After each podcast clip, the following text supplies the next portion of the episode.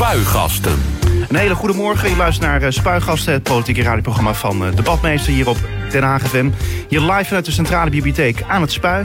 Tot 12 uur neem ik de afgelopen politieke week door. En dat doe ik natuurlijk ook met mijn gast. Den Haag moet de komende maanden op zoek naar een nieuwe burgemeester. Pauline Krikke, die nam begin oktober uh, ontslag... vanwege de snoeiharde conclusies van het rapport van de Onderzoeksraad voor Veiligheid... over de Scheveningse vonkenregen. En sindsdien is VVD-prominent Johan Remkes waarnemend burgemeester van de stad. Hij stopt op 1 juli van dit jaar. In de zoektocht naar een nieuwe burgemeester is een belangrijke rol weggelegd voor de Vertrouwenscommissie.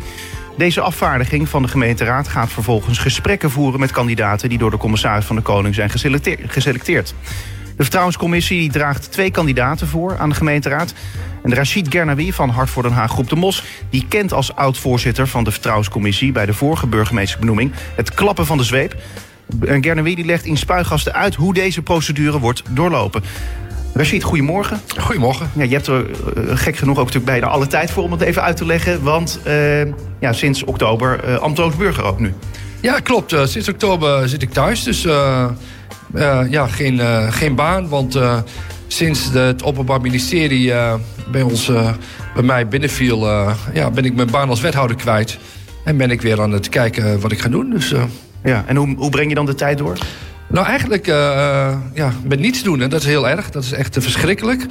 En, uh, en kijken wat het Openbaar Ministerie nu gaat doen. Dus ik verwacht volgende week duidelijkheid te brengen naar, naar, naar de stad en naar het land. En dan weet iedereen waarom ik ja, waarom ik nu thuis zit. Ja, dus dat betekent dat je volgende week naar buiten komt met wat het Openbaar Ministerie dus uh, ja, in die stukken heeft geschreven over jou. Ja, dat verwacht ik. Ik denk dat ik dat volgende week naar buiten breng. Want ja, het heeft nu lang genoeg geduurd. Het Openbaar Ministerie heeft tijd genoeg gehad om dat te onderzoeken waar ze mij van verdenken. En uh, ja, zoals ik al eerder zei, uh, ja, die verdenking is echt op uh, niets gebaseerd. En dat zal ik volgende week naar alle waarschijnlijkheid naar buiten brengen. En waarom, waarom kies je dan volgende week als dat moment? Omdat ik nog in gesprek ben met het Openbaar Ministerie. Dus ik hoop dat ze gewoon... ja, ik heb de afgelopen weken... is mijn advocaat met hun in gesprek. En ik hoop dat ze gewoon ja, stoppen met dit onderzoek. en als ze dat niet doen, dan, ja, dan zal ik volgende week naar buiten brengen wat er aan de hand is. Um, even voor mijn begrip, want je hebt je stukken uh, gekregen. Uh, toen heb je gezegd, ik ga er met nog meer vertrouwen... Uh, zie je die zaak tegemoet als het tot een zaak komt. Ehm, maar je liet het door de media liet je het niet inzien, bijvoorbeeld. Nog niet. dat verwacht ik volgende week. Dus ik heb de, ja, de stukken gekregen. De, de, vraag is of ik alle stukken heb gekregen. Daar ben ik ook nog met het Openbaar Ministerie mee bezig. Maar ik vind ook dat de stad ja, de duidelijkheid nodig heeft...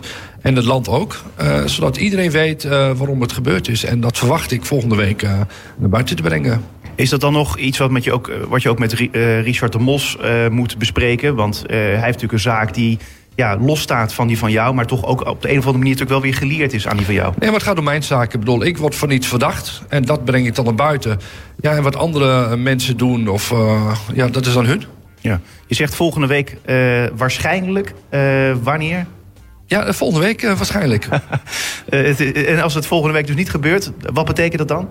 Uh, dat het Openbaar Ministerie ja, de... Afziet van de zaak? Nee, nee, nee. Dat het Openbaar Ministerie nog tijd krijgt om, om dat op een goede manier af te ronden. Om de stukken bij elkaar bijvoorbeeld te zoeken die nog niet Klopt, jou, bij ik jou heb nog niet alle stukken. Oké, okay, dat weet je in ieder geval zeker? Dat denk ik, ja. Hoe, hoe kan je dat dan denken ja, te weten? Dat is het moeilijke van de situatie waar ik nu in zit. Ik bedoel, het is 1 oktober is het gebeurd. Het is bijna uh, meer dan drie maanden geleden. Uh, ik heb pas na heel veel aandringen en pas na een uitspraak van de rechtercommissaris de stukken uh, gekregen. dat is vlak voor de kerst gebeurd. En de vraag is of ik nu alle stukken heb. En, ja, en dan kan ik verder. Ja. Um, wat kan ik je verder nog over vragen? Afwachten. Oké, dan gaan we het afwachten. Uh, en uh, nou, we gaan het zo meteen natuurlijk hebben over uh, de Vertrouwenscommissie. want daar heb jij ingezeten bij de benoeming van de vorige burgemeester, Krikke. Ehm, ja, en, en hoe gaat het nu verder met je? Want ik bedoel, we hebben het nu meteen over de zaak, maar ik heb nog helemaal niet gevraagd hoe het nu met je verder gaat. Nou, met mij gaat het natuurlijk. ja, moet, aan de ene kant gaat het goed. Ik voel me lekker, ik voel me prettig. aan de andere kant gaat het slecht, want ik heb geen baan. Ik zit thuis, dus ik heb mijn baan als wethouder is weg.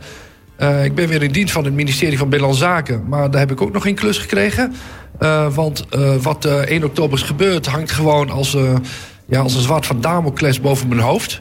En zolang dat niet weg is, zolang dat niet duidelijk is... ja, denk ik niet dat ik snel aan een, aan de baan kom. Nee. En ehm, uh, dus het betekent ook dat, dat als, het, uh, ja, als het meer duidelijkheid is voor jou... Uh, van wat die stukken precies behelzen van het Openbaar Ministerie... dat bijvoorbeeld nou ja, het ministerie weer zou kunnen zeggen van je kunt weer aan de slag? klopt, ik ben weer in dienst van het ministerie... maar om te solliciteren op een baan en dan ja, verklaring omtrent gedrag... en een vertrouwensfunctie weer te krijgen... Ja, dan, dan moet dit van tafel. En daar ben ik dus mee bezig. Kijk, zolang dit niet van tafel is uh, kan ik uh, eigenlijk bijna niet verder.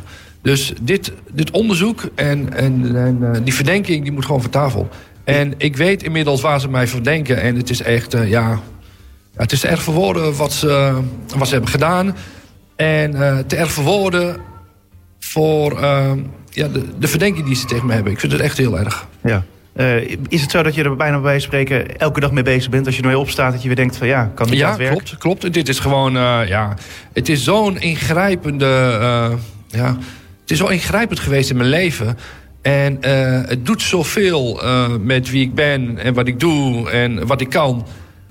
ja, het is gewoon, ja, het is verschrikkelijk. En je wordt natuurlijk elke dag aan herinnerd door mensen die er weer over beginnen, zoals ik, maar zo, ook zoals anderen. en terecht, en terecht. Dat, uh, bedoel, je wordt er continu op aangesproken, maar ik denk er ook, uh, ik denk er elke dag aan. Elke dag ben ik ermee bezig, want uh, dit heeft zo'n grote impact. En daarom heb ik ook de behoefte om zo snel mogelijk naar buiten te brengen wat er precies aan de hand is. En ja, en dat is de situatie waar ik me nu in begeef. Dus ik verwacht volgende week uh, dat uh, naar buiten te brengen. Uh, het is ook nog zo dat ik zag in jouw ontslagbrief stond... je hoopt snel weer als wethouder, dan wel raadslid in Den Haag... weer aan de slag te kunnen.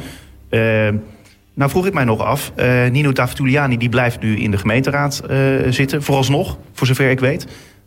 dat betekent dat jij dus nog steeds wacht totdat er een keer een zetel vrijkomt in de raad namens Groep de Mos? Nou, ik ben de eerste opvolger. Dus als iemand van de gemeenteraadfractie van Groep de Mos stopt... Uh, tijdelijk of structureel, uh, dan ben ik de eerste die daarvoor naar aanmerking komt. Ja. En dat is de situatie nu. En, uh, maar ik verwacht niet dat iemand van de gemeenteraad, van groep, de, gemeenteraadfractie van Groep de Mos, binnen korte tijd of lange tijd mij gaat stoppen. Dat dus, ook, niet. dus dat betekent ook dat jij nog in elk geval voorlopig niet in de gemeenteraad terechtkomt? Klopt, want als er geen functie is, dan, ja, dan is er voor mij ook geen rol weggelegd. Nee. nou ja, goed. Je bent hier wel als oud-voorzitter van de Vertrouwenscommissie. Uh, daar gaan we het zo meteen uitgebreid over hebben. Maar eerst gaan we even terugblikken op de afgelopen week. Het politieke weekoverzicht. En dan beginnen we bij... Maandag 6 januari. Voor het eerst wil een meerderheid in de Tweede Kamer een eind maken aan gevaarlijk vuurwerk tijdens de jaarwisseling. Het gaat om de twee coalitiepartijen D66 en de ChristenUnie. En de oppositiepartijen GroenLinks, SP, PvdA, Partij voor de Dieren, 50PLUS, SGP, DENK en de eenmansfractie van het Kamerlid van Koten Arissen. In totaal 76 zetels, meerderheid dus. Uh, ja, Rachid, vind je dat een, een goede ontwikkeling of niet? Nou, ik heb daar echt een groot vraagteken bij. Want ik vraag me af, als je bepaalde dingen gaat verbieden... Uh, gaat het dan beter? Gaat het dan met oud en nieuw beter? Want de afgelopen jaren is die tijd waarin we uh, kunnen afsteken... is al behoorlijk beperkt. En ik denk als je nog meer gaat beperken... ja, dat dat niet goed is voor, ja, voor, de, voor de samenleving. Want het is een hele mooie traditie. En de mensen die het gewoon keurig conform de regels doen... die worden dan de dupe van die gekkies die alles aan hun laars lappen. En ook de nieuwe regels. Maar je moet iets doen. Nou, ik, ik, ik weet niet of je, of, je, of je dat dan moet doen. Uh, volgens mij moet je handhaven op de mensen die de regels overtreden.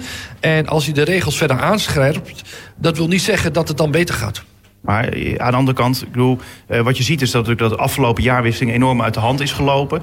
Uh, dat wil je niet nog een jaar zo meemaken. Dus dus je zult harde maatregelen moeten nemen. Ja, maar ik weet niet of het erger is dan uh, altijd was. Ik bedoel, er zijn een aantal uh, vuurwerk, uh, ja, vuurwerk, ja, anti-vuurwerk mensen, anti-vuurwerkpartijen. En die zien nu hun kans schoon om het te verbieden. En daar zijn ze, sommige partijen zijn al jarenlang mee bezig, zoals GroenLinks. Maar medebewoners uh, bekogelen met vuurwerk, politie bekogelen met vuurwerk. Ja, maar dat is al strafbaar. Hè? Dus dat hoef je niet met re nieuwe regels uh, uh, aan te scherpen. Of het aanscherpen kan wel, maar dat mag al niet. Dus dat moeten ze al aanpakken. Dus wat helpt dan nieuwe regels?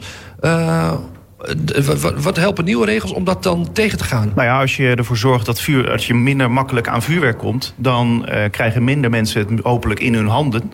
En kan het ook minder snel fout gaan. Ja, maar het vuurwerk wat nu is, is al niet zo zwaar. En daarnaast heb je nog uh, Duitsland, België, waar je dat allemaal gewoon uh, makkelijk kunt halen. Dus het gaat niet om het kwaliteit van het vuurwerk. En ik vind best maar de drempel wordt hoger hè, als je het dus bijvoorbeeld in België of Duitsland moet gaan halen. Ja, de vraag is of dat zo is.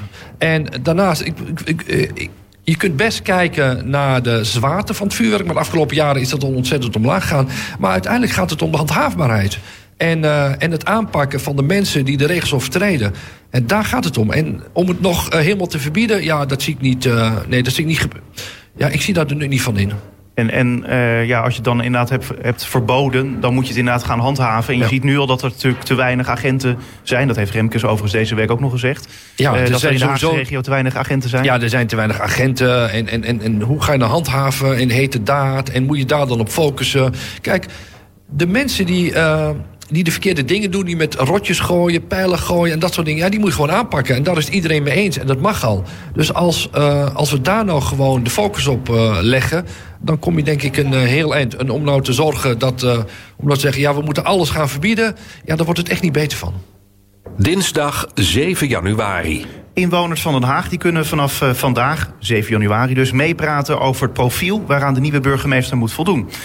Dit kan door een mail te sturen of door in te spreken tijdens de commissievergadering van de gemeenteraad van Den Haag. Rashid, je bent nu uh, ambteloos burger, dus je mag ook meepraten natuurlijk. Uh, heb jij al jouw wensen ingestuurd? Nee, kijk, zo'n profiel is altijd het schaap met vijf poten. En hij moet dit en zij moet dit kunnen en dat kunnen. Ik bedoel, dat is goed, maar uiteindelijk gaat het erom uh, wie gaat solliciteren. En, en dat de vertrouwenscommissie daar dan de beste kandidaat of kandidaten uit pikt. Ja. Dat is het allerbelangrijkste. Maar je hebt toch zelf wel een, een, ja, een soort persoonlijke voorkeur? Nee, maar... Het, die heb je wel. Ja, maar... je, je wilt toch wel dat een bepaald iemand burgemeester van Den Haag wordt? Nee, maar ik weet niet wie gaat solliciteren. En daar moet je uiteindelijk het kiezen. Uh, ik hoop vooral dat iemand affiniteit heeft met Den Haag. Den Haag kent en, uh, en van Den Haag houdt. En uh, ja, dat is denk ik het, uh, het allerbelangrijkste. En de nodige ervaring heeft en, en, en uh, ja, de kwaliteiten heeft om dat te gaan doen. Daar ben ik echt benieuwd naar. Maar uiteindelijk hangt het vanaf van wie gaat solliciteren. En daar gaan we dan uit kiezen. Ja, maar betekent dat dat diegene wel bijvoorbeeld in Den Haag moet wonen? Nou, uiteindelijk moet die persoon uh, hier uh, wonen. Uh, misschien woont hij hier al en anders moet hij hier komen te wonen. Dat vind ik wel heel belangrijk. Maar je zegt als, je, als iemand affiniteit met de stad heeft... dan moet diegene er nu eigenlijk al zijn. Nou, ja, Toch? Dat weet je niet, want misschien woont er een Hagenees of Hagenaars... even verhuisd ergens anders naartoe en wil weer terug. Dat kan ook. Heeft hij dan nog feeling met de stad? Als een Hagenees of Hagenaar, Hagenaar is vast... Want uh, ja, dat raak je niet zomaar kwijt. Woensdag 8 januari. De gemeente Den Haag die heeft de onderhandelingen met de eigenaar van het Atlantic Hotel in Kijkduin over de koop van een stuk grond gestaakt. Die grond is nodig om de ingang van een ondergrondse fietsenstalling en parkeergarage in de badplaats aan te kunnen leggen. Maar volgens wethouder Boudewijn Revens van de VVD stelt het Atlantic Hotel onredelijke eisen. Rashid, heeft dit nieuws jou verrast? Uh, ja, zeker. Want uiteindelijk is dat iets wat toen al had moeten besloten... toen we met deze plannen aan de slag gingen. En toen zijn er blijkbaar dingen niet goed gegaan. Want dat je nu nog moet onderhandelen over iets... wat zo wezenlijk is voor Kijkduin. Want Kijkduin, ik bedoel, ik was de laatste nog... dat ligt helemaal op zijn gat. En dat is echt slecht. Voor Kijkduin zelf, voor Den Haag... Uh, maar ook voor al die ondernemers die er zitten. Dus uh, ja, ik, ik ben wel ontzettend verrast door de uitspraak van de wethouder... en de keuze van de gemeente om dan maar niks te doen. Ik vind het echt heel erg. Had, uh, want ja, Groep de Mos zat natuurlijk in het college. Hadden jullie toen niet al nog even aan de bel kunnen trekken bij uh, de wethouder? Ja, maar dit wisten uh, we toen niet. Ik wist het in ieder geval niet, dat het zo pregnant was. ik had verwacht en, dat het gewoon allemaal onder controle was. En dat blijkt dus niet het geval te zijn. Dus je dacht dat alles eigenlijk al rond was, dat het in kannen en kruiken was? Ja, zeker. zeker. Want uiteindelijk is die verbouwing gestart, is die herontwikkeling gestart. En dat is moeilijk, want het kost heel veel tijd. En dat is echt heel zwaar voor al die ondernemers maar ook voor die investeren. Maar ik dacht van, ja, je moet even door de moeilijke periode heen. Maar na die uh, verbouwing en die inrichting staat er echt iets moois. Ja, en als dit dan niet doorgaat, dan uh, maak ik me daar echt hele grote zorgen op. Dus ik begrijp ook dat de gemeenteraad er bovenop zit. En ik hoop dat uh, wethouder Revis dit kan oplossen. Want het is echt een heel, ja, een heel groot probleem. Hoor. Dus wat is jouw advies aan jouw oud-collega? Ja, mijn advies, los het op. Daar is hij voor. Los het op. Los het op. Donderdag 9 januari. Een flink aantal partijen in de gemeenteraad wil ook in Den Haag een algemeen vuurwerkverbod invoeren. Het zou goed zijn als we het Rotterdams voorbeeld kunnen volgen, mits het uitvoerbaar en handhaafbaar is, al dus GroenLinks-fractievoorzitter Arjen Kapteins. Daarom hebben zijn partij en de Partij voor de Dieren samen met D66, Haagse Stadspartij, PvdA en ChristenUnie SGP voor volgende week donderdag een debat aangevraagd in de gemeenteraad over deze actuele maatschappelijke ontwikkeling. Ziet, we hadden het net al eventjes over. Jouw partij is niet voor een vuurwerkverbod. Ook omdat het vooral natuurlijk goedwillende mensen treft. Uh, maar hoe wil je dan het probleem aanpakken? Nou, gewoon door te handhaven op uh, de mensen die overlast veroorzaken. Dat is denk ik het allerbelangrijkste. Uh, en daar helpt dus niet bij om het vreugdevier te verbieden. Want daar zit zoveel capaciteit op om dat tegen te gaan. ja, en die capaciteit moet je inzetten om te handhaven op de mensen die er een zootje van maken. En uh, om het voor iedereen te verbieden, daar wordt het echt niet beter van. En wat je nu ziet, is dat de partijen ja, die uh, anderhalf jaar geleden de verkiezingen hebben verloren, nu gewoon hun uh, politieke wil gaan doordrukken. En dat vind ik heel erg. Maar goed, je ziet toch gewoon dat het landelijke partijen zijn, of in ieder geval lokale partijen gelieerd aan landelijke partijen. Ja, de landelijke politiek die zegt nu ook in meerderheid bewillen het. Dus niet zo gek dat de lokale afdelingen dat ook willen, toch? Nou, in meerderheid. Kijk, dit is zo'n fundamentele wijziging. En dat doe je dan met één uh, stemverschil. Ik vind dat echt uh, heel, uh, heel, ja, moet zeggen, heel wrang. Want die verhoudingen zijn in ieder geval in de, gemeente van de, in de gemeente Den Haag de afgelopen tijd opeens helemaal veranderd. En het is ook geen afspiegeling van wat, ja, wat de bevolking wil. Dus ik vind het echt te erg. Maar het is toch gewoon een meerderheid? Zo werkt het toch in de politiek? Uh, ja, maar het is niet de meerderheid die uiteindelijk uh, de verkiezing heeft gewonnen. Het is de, de meerderheid die de verkiezing heeft verloren. Die meerderheid, die steeds kleiner wordt... die uh, ja, drukt nu met, ja, met een stemmetje verschil hun wil door. En dat is niet de wil van Den Haag. Maar punt blijft, er moet iets gebeuren.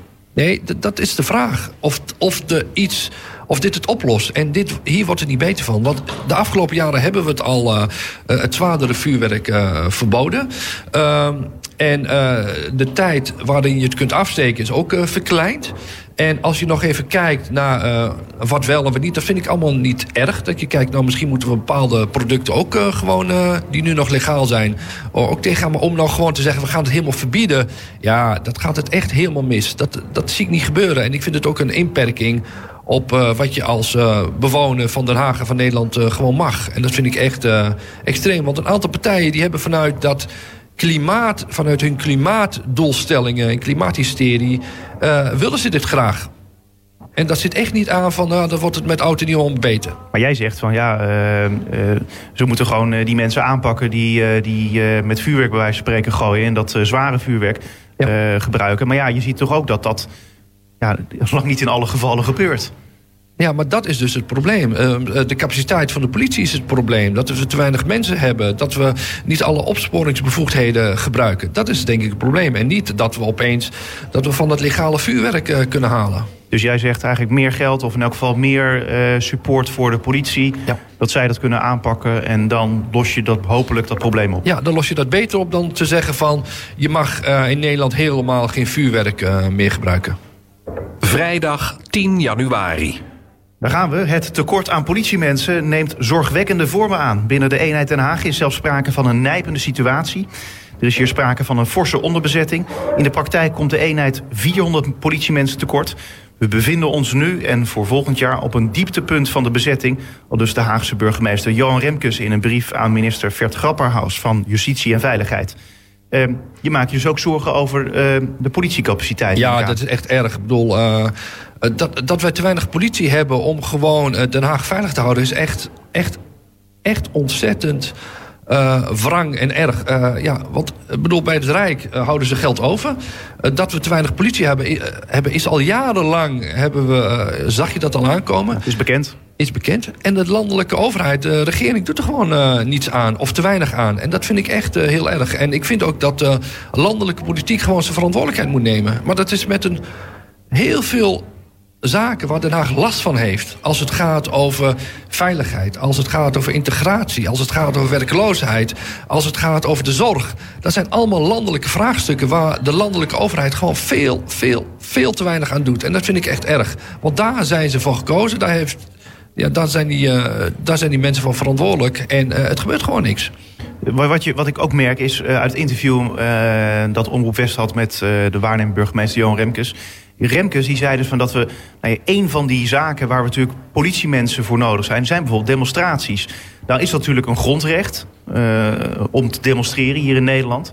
Uh, en toch uh, ja, lees ik tussen de regels door dat hij zich toch een beetje afvraagt van ja, moeten we maar al die demonstraties en al die andere evenementen die we trouwens in de stad hebben waar politiemensen voor nodig zijn, moeten we dat allemaal nog maar toestaan? Hoe denk jij daarover? Ja, maar het zou toch heel erg zijn als we niet meer uh, kunnen demonstreren in dit land. Maar hij, zegt niet, hij zegt niet, we moeten alle demonstraties verbieden hoor. Maar... Nee, maar hij is daar wel mee bezig en dat mag echt niet. Je moet gewoon kunnen demonstreren in dit land als dat nodig is.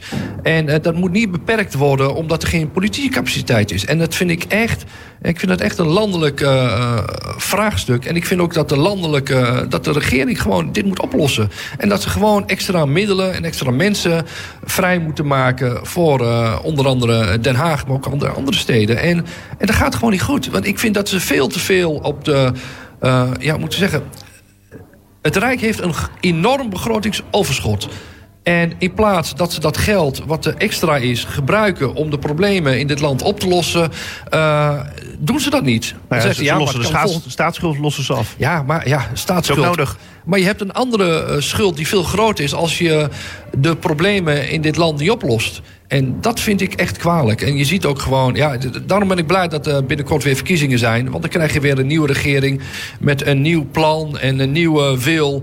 En, uh, en om het gewoon uh, van elkaar te maken en, en nieuwe dingen te doen. Waardoor uh, het niet meer stilstaat zoals nu. Want ik denk dat ze gewoon aan het wachten zijn op verkiezingen.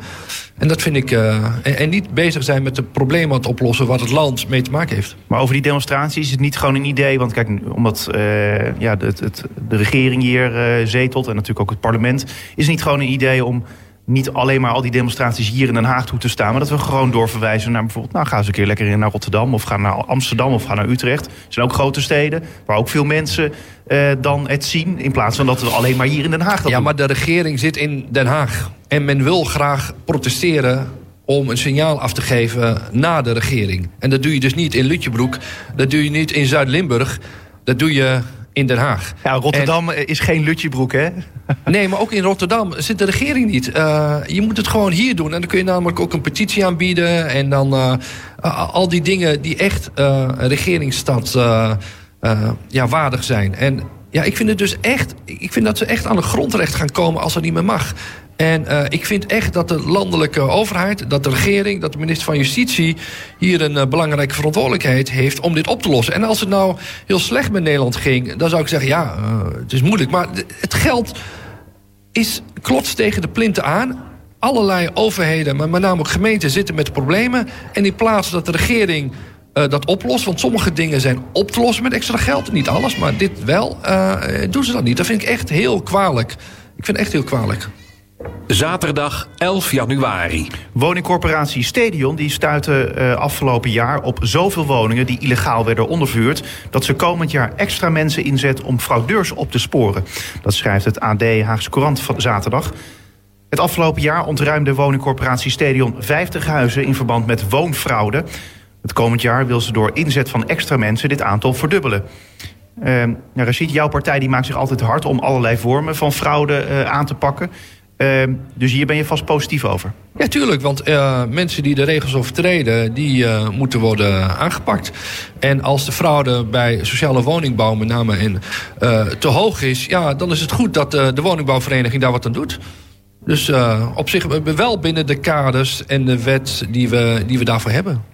Uh, wat was het zo dat, uh, want jullie hielden, uh, in elk geval Bert van Alfen en jij ook bezig met bijvoorbeeld bijstandsfraude en dat soort zaken. is het dan zo dat, dat jullie hiermee ook mee, werden geconfronteerd als bestuurders? Of wat, ligt het ergens anders in het college? Nee, maar kijk, we hebben natuurlijk gewoon een groot woningtekort in Den Haag. En we hebben heel veel mensen die op zoek zijn naar woningen die er niet zijn. En dit helpt erbij om de woningen voor die mensen die nu door mensen in beslag worden genomen die daar onterecht zitten om dat, uh, om dat vrij te maken. En dat vind ik goed. Ja. Dat is het uh, belangrijkste. Dus alles wat je kunt doen om mensen die onterecht ergens zitten, om, dat, uh, ja, om ze aan te pakken en dat tegen te gaan, is goed. Dit was het weekoverzicht. Meer nieuws vind je op onze website denhagfm.nl. Spuigasten. Den Haag moet de komende maanden op zoek naar een uh, nieuwe burgemeester. Pauline, Pauline Krikke die nam begin oktober ontslag vanwege de snoeiharde conclusies van het rapport van de Onderzoeksraad voor Veiligheid over de Scheveningse vonkenregen. En sindsdien is VVD-prominent Johan Remkes waarnemend burgemeester van de stad. Hij stopt op 1 juli van dit jaar. In de zoektocht naar een nieuwe burgemeester is een belangrijke rol weggelegd voor de Vertrouwenscommissie. Deze afvaardiging van de gemeenteraad gaat vervolgens gesprekken voeren met kandidaten die door de commissaris van de Koning zijn geselecteerd. De Vertrouwenscommissie die draagt twee kandidaten voor aan de gemeenteraad. Rachid Gernawi van Hart voor Den Haag Groep de Mos... die kent als oud-voorzitter van de Vertrouwenscommissie... bij de vorige burgemeestersbenoeming het klappen van de zweep.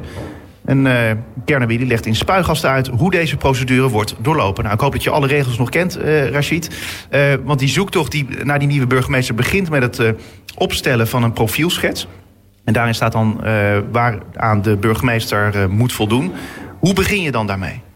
Nou kijk, het belangrijkste is uh, dat de... Ja, vaak begint dat vanuit presidium. Dat was ook mijn uh, rol die ik toen had, voorzitter van het presidium. Om te kijken van, oké, welke stappen moeten we in dat proces doorlopen... en hoe gaat die vertrouwenscommissie eruit zien? Uh, en hoe gaat die profielschets eruit zien? Kijk, de vorige profielschets is nog in twee jaar oud. Volgens mij is die dan gewoon goed. En uh, kun je op basis van die profielschets... misschien met hier en daar wat, uh, wat aanpassingen... gewoon aan de slag. En dan zal de gemeenteraad een, een vertrouwenscommissie moeten samenstellen... met voldoende draagvlak binnen de raad en binnen de stad om aan de slag te gaan. Want op een gegeven moment komt die vertrouwenscommissie met... dit zijn de twee kandidaten en dit is onze voorkeurskandidaat. Ja, en dan kan de gemeenteraad niet dat heel al die gesprekken over gaan doen. Maar dan is het gewoon, dit zijn de kandidaten, daar moet je uit kiezen... En dit vinden we, vindt de vertrouwenscommissie dan de beste kandidaat. En dan moet je eigenlijk als raadslid wat daar uh, verder uh, niets bij heeft gedaan... ja, vertrouwen op de keuzes van je collega's die in de vertrouwenscommissie zitten. Ja. Het presidium, dus het dagelijks bestuur van de gemeenteraad... voor wie dat niet weten, die moeten dus die profielschets gaan samenstellen. En je zegt van nou, dat kunnen ze eigenlijk doen met wat er eigenlijk al ligt. Dus, dus eigenlijk ctrl-c, ctrl-v. Ja. En dan ben je eigenlijk al klaar. Ik denk dat dat het is, want uiteindelijk is de schaal met vijf poten die ze zoeken. En, uh, en dat is goed, want iedereen wil de allerbeste kandidaat die alles kan. Maar het is uiteindelijk afhankelijk van de kandidaten die zich aanmelden. En, uh, en kijk, de, dus de stap is profielschets vaststellen. Daarna tegelijkertijd de vertrouwenscommissie. En dan gaat de vertrouwenscommissie ja. aan de slag. Ja. alle brieven worden gestuurd aan de commissaris van de Koning. Die doet dan een, een soort preselectie. Maar de vertrouwenscommissie beslist uiteindelijk wie doorgaat. Dat is niet de commissaris van de Koning. Wat, die, uh, wat ze graag willen. Dat ze zeggen, ja, dit zijn ze en uh, de rest moet je niet naar kijken. Dat is niet zo. De vertrouwenscommissie bepaalt met wie ze willen praten. Ja. Uh, nog even stap voor stap, want je zit dan in die vertrouwenscommissie, in, die, in het presidium. en dan heb je dus, dat, dat bestaat uit vijf man, toch? Ja, nee, maar kijk, het huidige presidium is sowieso niet een goede afspiegeling van de raad. Dat heb ik altijd al gezegd en dat is ook zo. De grootste partij zit niet in het presidium. Dus dit presidium heeft sowieso al een probleem. Uh, maar uiteindelijk moet dus de raad daar een besluit over nemen... met voldoende draagvlak. Ja. Uh, over het profiel, over de vertrouwenscommissie. Ik had toen, uh, toen ik het heb geleid... volgens mij was er één persoon die tegen was van de 45. Dat was uh, Oksuglu, groep Oksuglu. Die, vonden die, die was het niet met me eens. Maar de rest wel. En dat heb je wel nodig. Dat je gewoon ja, voldoende heel veel draagvlak hebt met, het, met de commissie die er aan de slag gaat en het profiel. Uh, en dat is belangrijk, zeg ik. En zodra de commissie vast is gesteld en het profiel is vastgesteld, wordt die uh, advertentie ge gepubliceerd. Dan gaan allerlei mensen solliciteren. En dan gaat de commissaris van de Koning gaat met, die, met een aantal mensen praten. En op een gegeven moment komt die vertrouwenscommissie bij de commissaris van de Koning. En dan zegt de commissaris van de Koning... Uh, dit zijn de kandidaten die gesolliciteerd hebben. En uh, volgens mij zijn dit de kandidaten die benoembaar zijn. Dan gaat die vertrouwenscommissie uh, daarover praten. En die gaat naar al die stukken kijken.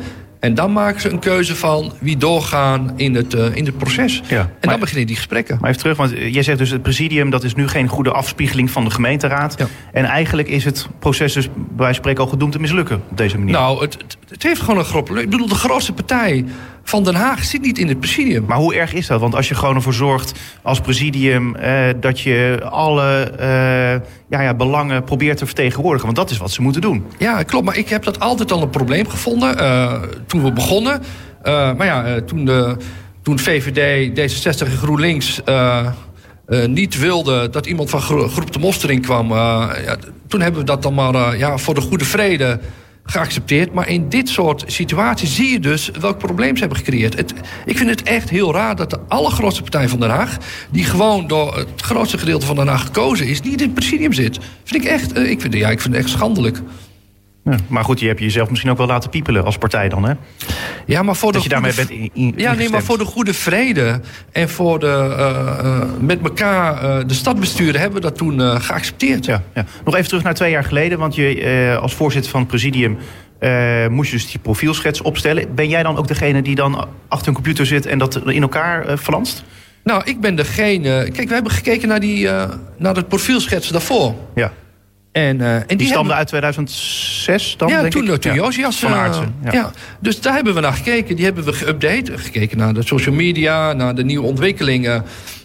Ja, en daar ben je dan wel als voorzitter van het presidium eh, in lead.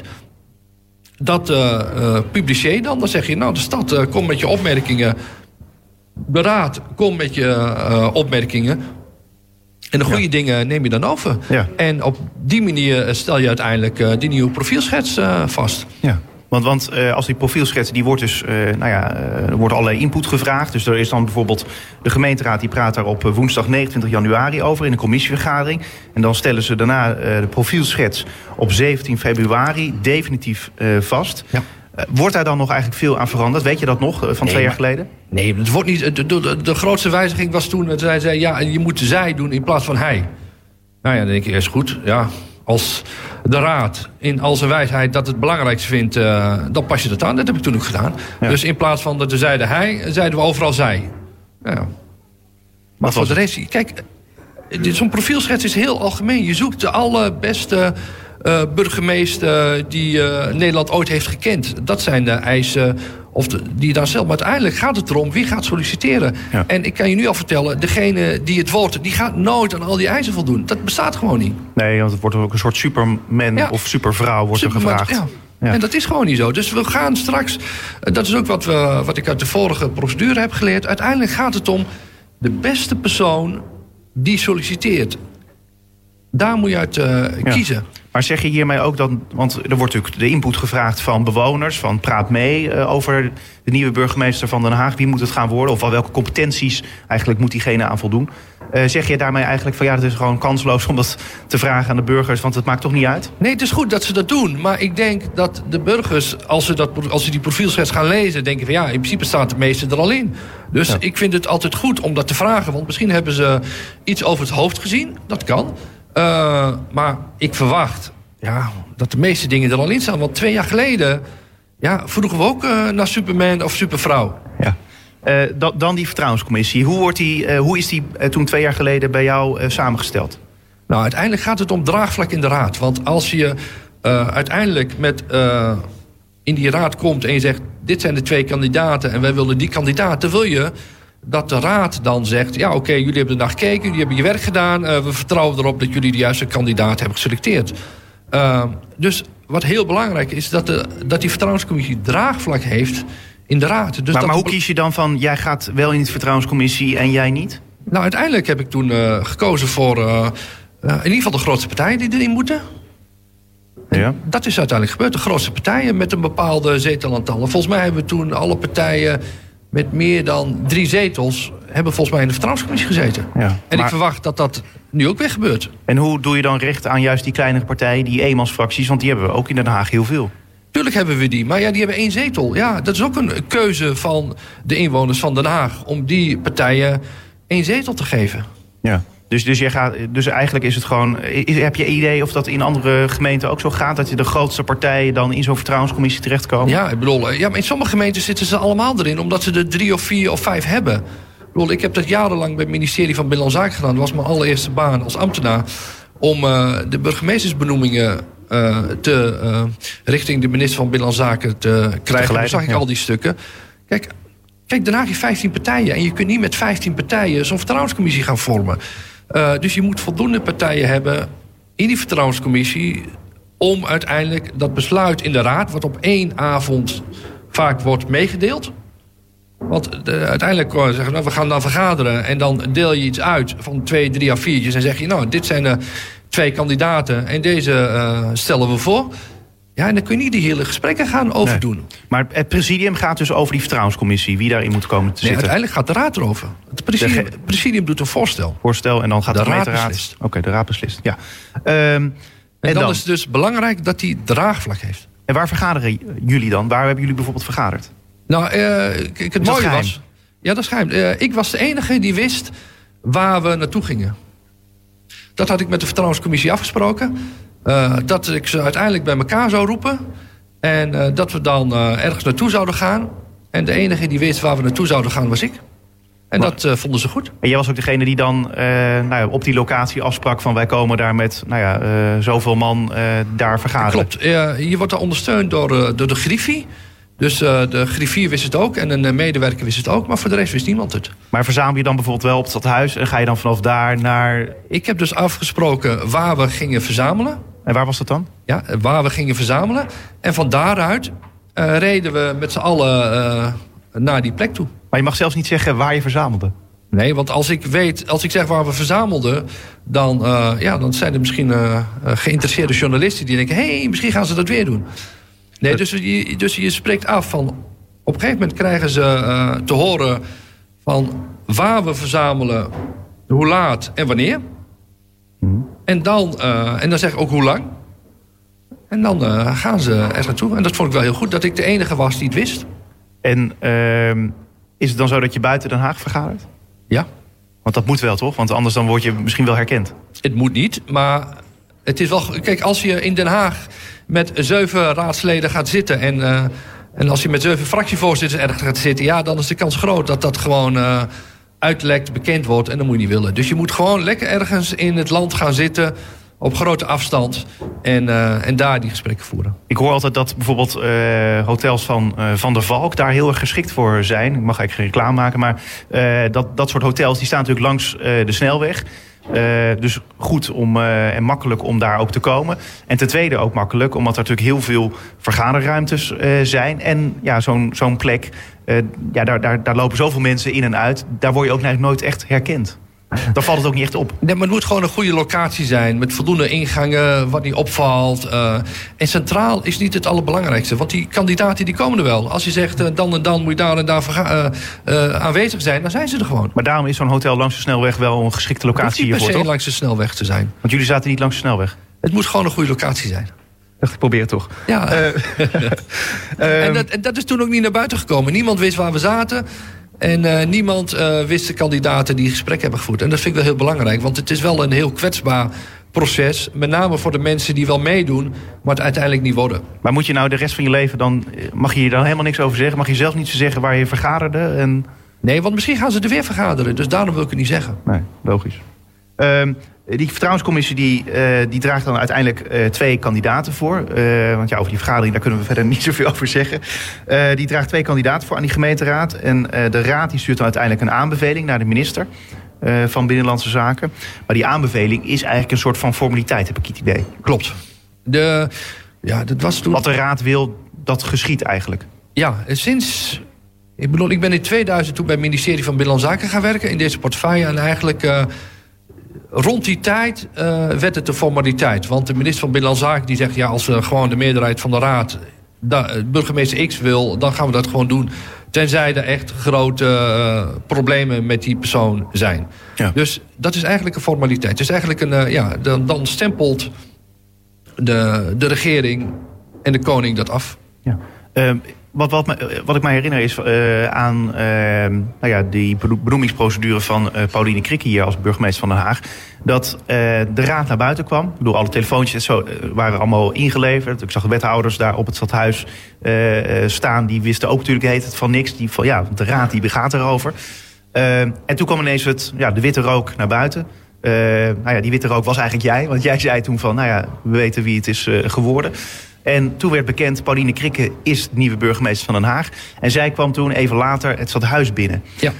Uh, heb jij enig idee of dat was dat toen afgesproken van uh, zorg dat je in elk geval in de buurt bent uh, van het stadhuis op dat moment dat we erover vergaderen, want dan kunnen we je meteen voorstellen aan de stad? Nee, maar het, het voordeel was, ze was in de stad. Want ze zat in de Eerste Kamer. En die andere kandidaat, die was niet in de stad? Of weet je dat niet? Dat zal uh, de toekomst... nee, daar ga ik niks over zeggen. Maar zij was in de stad. Zij was vlakbij. Ja, en toen vond ik het heel goed om, uh, dat ze toen langs kwam. En daar, vond ik, ja, daar was ik wel heel blij mee. Dat ze toen direct zichzelf kon presenteren. En, uh, en dat is toen ook heel goed gegaan. Maar het was dus niet afgesproken op dat moment? Nee, op dat moment hebben we toen uiteindelijk afgesproken. Ja, precies. Ja, want ik wist niet of zij het ging worden. Nee. Want ja, twee kandidaten. En zij zou het worden of die ander. En toen de raad uiteindelijk had besloten dat zij het wordt... toen kon ik bellen. Uh, en toen was ze in de buurt en toen zei ik, nou, kom, uh, kom gewoon lekker langs. En Ja. dat vond ik wel uh, heel mooi... om dan direct ook de burgemeester te kunnen presenteren. Ja. Uh, en, en is het dan zo dat jij dus zelf dus meteen een telefoonnummer hebt van... nou ja, in dit geval dan Pauline Krikke... en dat je haar dus kon bellen? En ook dus als die andere kandidaat was geworden... dan had je die ge- anderegene gebeld van Klopt. u bent het geworden? Nee, maar ik heb de kandidaat die niet geworden is gebeld en gezegd... eh, ja, de raad heeft besloten om eh, eh, Pauline Krikke te benoemen. Eh, en, eh, en hem of haar dus niet. En eh, daarna heb ik eh Pauline gebeld en gezegd... eh, gefeliciteerd, je wordt de nieuwe burgemeester van Den Haag. Ja. Ehm, wat mij nog opvalt is dat natuurlijk, ehm, nou ja, dat is in ehm, de week nadat bekend werd dat, nou, dat er invallen waren gedaan bij jouw werkkamer en huis en bij dat van Richard de Mos. Dat er toen is gelekt uit, in ieder geval, ja, er is bekend geworden dat, ja, dat Ronald Plasterk en ook Martin van Rijn een van de twee kandidaten ook waren die ook hadden gesolliciteerd voor het burgemeesterschap van Den Haag. Ehm, in hoeverre deed het jou pijn dat er toch iets naar buiten is gekomen daarover? Ja, ik vind sowieso dat je daar niet uit moet lekken. eh, want dat is de afspraak die er is. En eh, nog over kandidaten, nog over... eh, ja, met name niet over kandidaten. Of proces kun je van ons hebben, maar niet over kandidaten. En eh, dat deze namen worden genoemd, ja, dat kan. Dat ze bevestig, ik- bevestig ik, nog ontken ik. Dus dat... Nee, ja, dat, dat, dat snap ik heel graag. Maar, maar ehm, ja, deed het je in die zin pijn? Want het is jouw proces in die zin geweest. En Ja, tuurlijk. Maar ik blijkbaar- heb, ik heb invloed over mezelf. En ik heb invloed over de afspraken die we maken. Maar ik heb geen invloed over de integriteit van mensen... en wat ze wel en wat ze niet delen. Nee. Dus dat, daar ga ik niet over. En daar kan ik ook niks aan doen. En uiteindelijk eh, doet daar de Rijksrecherche een onderzoek naar. Maar eh, voor zover... eh, ja, daar komen ze bijna nooit achter. Nee, maar die komen dan weer bij jou ook terecht, onder andere. Nou, ze hebben me niet gebeld. Nog niet. Nee, ze hebben me ook niet gevraagd. Dus ja, Dus je- wacht het af. Je wacht het af. Ja. Maar eh, ik heb in ieder geval geen namen gelekt. Eh, en wie het wel heeft gedaan, dat weet ik niet. En, eh, en die namen die worden genoemd, ja, daar kan ik niks over zeggen. Is, is in die zin wel duidelijk geworden toen twee jaar geleden dus die vertrouwenscommissie onder jouw leiding aan de slag was. Heb jij toen nog uitgelegd aan iedereen van dit zijn de straffen als er uit wordt gelegd? Ik, ik kan me voorstellen dat je wel hebt gezegd, eh, jongens, eh, ik wil dat dit allemaal geheim blijft. Dat heeft de commissaris van de Koning natuurlijk ook gedaan toen. Eh, maar zijn, is er toen nog uitgelegd van wat de straffen zijn bijvoorbeeld? Nou, dat heb ik in ieder geval uitgelegd. Maar ook de commissaris van de Koning, die begint daar ook mee. Dus als je daar dan bent, dan begint hij ook met... ik ga jullie straks de namen vertellen van de mensen die hebben gesolliciteerd. Maar houd voor jezelf, mag je met niemand delen... want het is heel kwetsbaar voor die mensen die hebben gesolliciteerd... en voor dit proces en de wijze waarop we dat doen... moeten dit soort dingen niet naar buiten komen... Eh, dus eh, niet doen, want als dat wel gebeurt, dan heb je gewoon een groot probleem. En als we erachter komen, word je gestraft. Dus daar begint de commissaris van de Koning ook altijd mee. Ik heb dat ook altijd gezegd. Eh, ja, en uiteindelijk is het aan de leden van de vertrouwenscommissie om op een goede manier om te gaan met de informatie die ze hebben. Kijk, de twee kandidaten die zijn bekend bij de hele raad, dus bij alle 45. Eh, maar uiteindelijk iedereen die gesolliciteerd heeft, dat is alleen maar bekend bij de vertrouwenscommissie. Ja, Eh, ik zat zelf eh, nog te denken van ja, is in die zin wel bekendgemaakt aan hen wat dan dus precies de straffen zijn. Dus is er bijvoorbeeld gezegd van de boete, de som volgens mij is- is 25.000 euro als, als bekend wordt dat van spreken jij hebt gelekt. Uh, nou, we hebben. Kijk, het zijn natuurlijk raadsleden, dus die hebben de eet al afgelegd. En zij weten al hoe je met vertrouwelijke stukken moet omgaan. En dat je die dingen niet zomaar mag delen.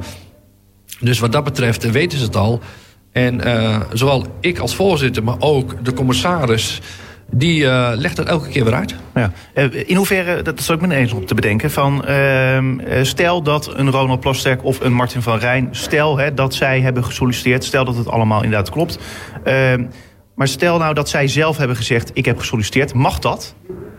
Mag je daar wel over uit de Ja, kandidaten klappen? die zelf solliciteren, die mogen dat gewoon Volgens mij vallen zij niet over onder de geheimhouding. Dus iedereen die straks een brief stuurt, zoals Jacques Bral, die mag dat gewoon zeggen. Dus als je, je mag jezelf kenbaar maken als kandidaat, ja, in die zin? je mag jezelf kenbaar maken als kandidaat. Ja. En dan weten ze dus ook dat als ze uiteindelijk het niet worden dat ze, niet bij, ja, dat ze het uiteindelijk niet uh, zijn geworden. Nu hoor ik steeds vaker het geluid van Richard de Mos... die zou burgemeester van Den Haag moeten worden. Die zou er een gooi naar moeten doen. Kan hij dat vanuit zijn functie in de gemeenteraad? Uh, als we de procedure wijzigen, wel. Maar landelijk beslist over de procedure. En zolang de procedure is zoals die is... Ja, moet je hem op die manier uitvoeren. Dus ik ben het mee eens. Ik had liefst ook een gekozen burgemeester. Dat gewoon de inwoners van de stad mogen kiezen... wie hun burgemeester wordt... Maar zolang dat niet kan in Nederland, ja, zul je het moeten doen via de huidige procedure. Gaat Richard de Mos een gooi doen naar het burgemeesterschap van Den Haag? dat zou ik aan Richard vragen.